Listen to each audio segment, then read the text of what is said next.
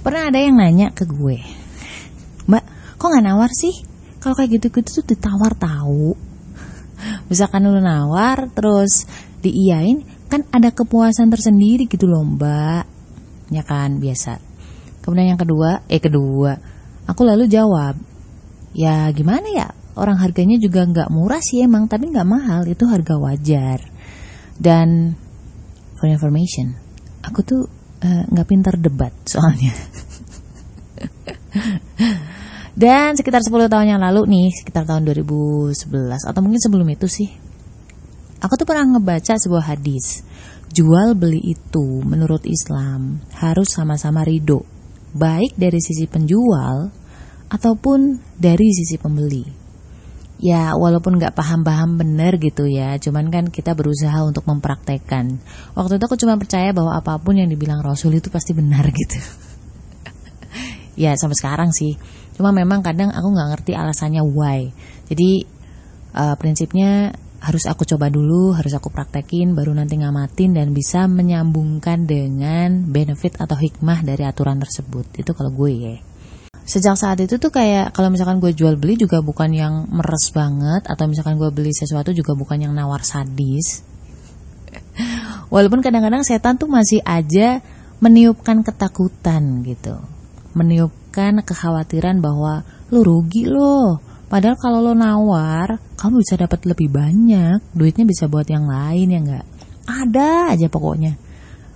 Tapi kan setan emang tugasnya meniupkan ketakutan dan penyesalan dalam diri kita. Jadi ya udahlah, eh ya udah, ya udahlah biarin aja gitu. Kayak orang yang lagi uh, ngomong gak jelas gitu, biarin aja udah gitu. Setelah kurang lebih 11 tahun nyemplung di dunia marketing, jual beli, perselesan, akhirnya gue paham bahwa idealisme dari Rasul Shallallahu Alaihi Wasallam tadi sejalan dengan hasil riset di dunia marketing. Apa tuh?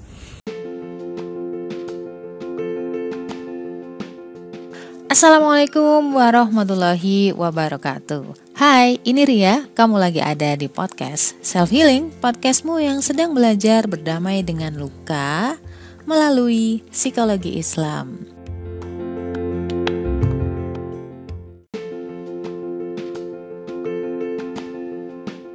Pengen naklukin diri sendiri atau pengen naklukin hati golongan darah B, wajib banget baca.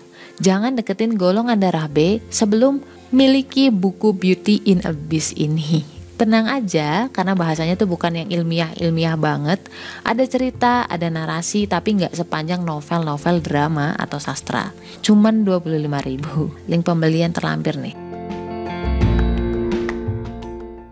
Jadi menurut penelitian, pembeli itu tidak membeli berdasarkan logika, namun emosi. Artinya apa ya? E, perasaan gitu. Dan ini dipakai di dunia digital marketing di era sekarang.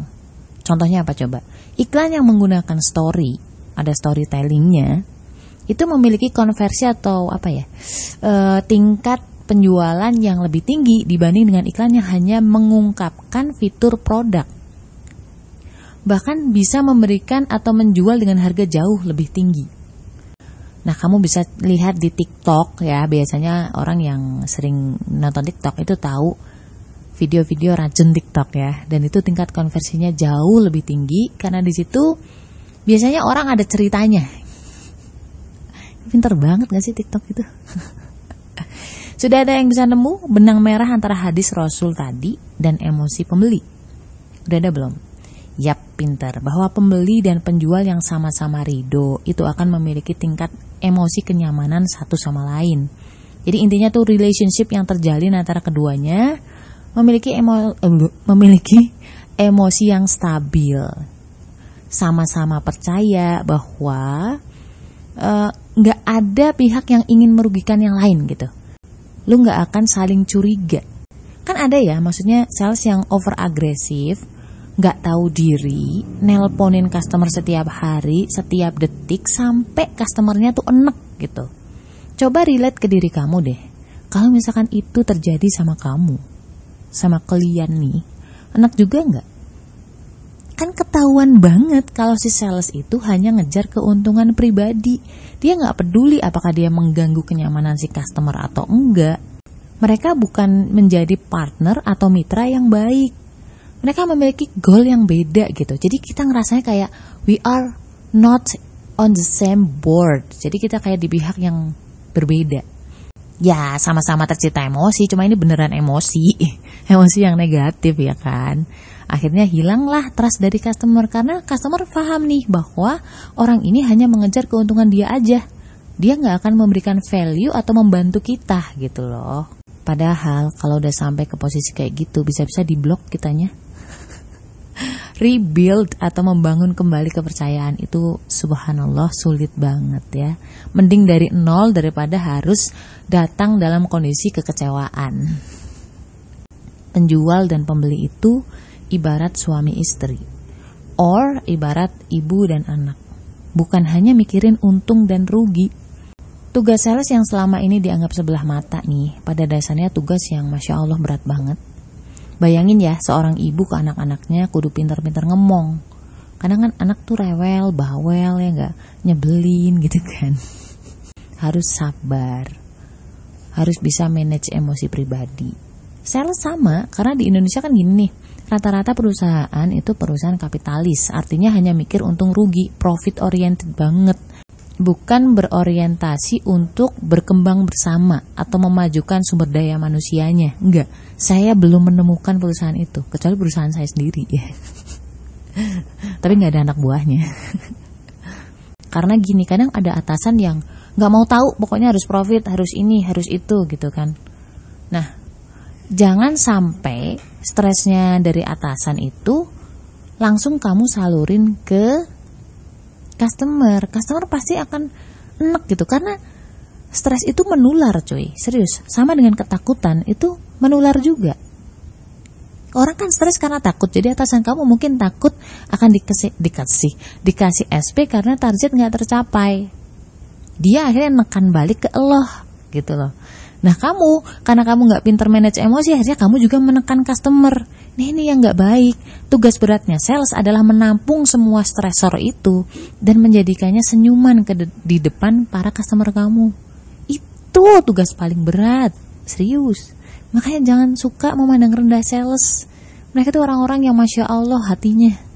Kalau nggak pandai memanage emosi, remek sendiri tuh bodinya. Karena ada beberapa perusahaan yang sudah memahami hal ini, mereka menyediakan layanan psikologi gratis untuk para karyawannya agar mental health mereka selalu terjaga. Karena kan intinya ya company ini nggak mau kalau misalkan hawa stres itu menular ke klien melalui karyawan-karyawannya gitu kan. Ada salah satu motivator bisnis pernah ngomong kayak gini, kalau Anda ingin tahu nih bagaimana kualitas manajemen sebuah perusahaan, lihatlah bagaimana karyawannya bersikap ke customer-customernya. But again, parameter kesuksesan kita mengelola stres ya, bukan dari prasangka pribadi kayak misalkan, hm, saya tuh pinter loh uh, memanage stres bukan, tapi dari pihak ketiga yang memang dia berinteraksi dengan kita gitu. Ada soalnya uh, atasan yang merasa dia itu uh, sudah berhasil banget memanage emosi dan dia sudah sabar banget ke bawahan-bawahannya padahal nol portol gitu.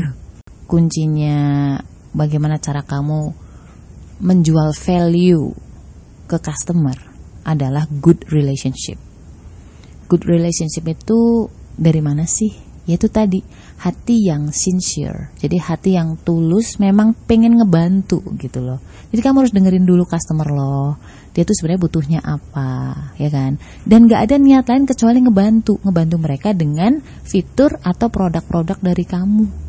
Sebenarnya dari situ akarnya jadi niatnya adalah goalnya adalah berkenan, bertumbuh bersama, support satu sama lain. Ini juga berkebalikan ya, nggak cuma dari sales ke customer, tapi customer juga merasa salesnya ini adalah teman yang baik. Gitu. Jadi kalau kita mau bermulut manis seperti apa pun bagi madu ya, apa yang ada di hati itu bakal sampai ke hati.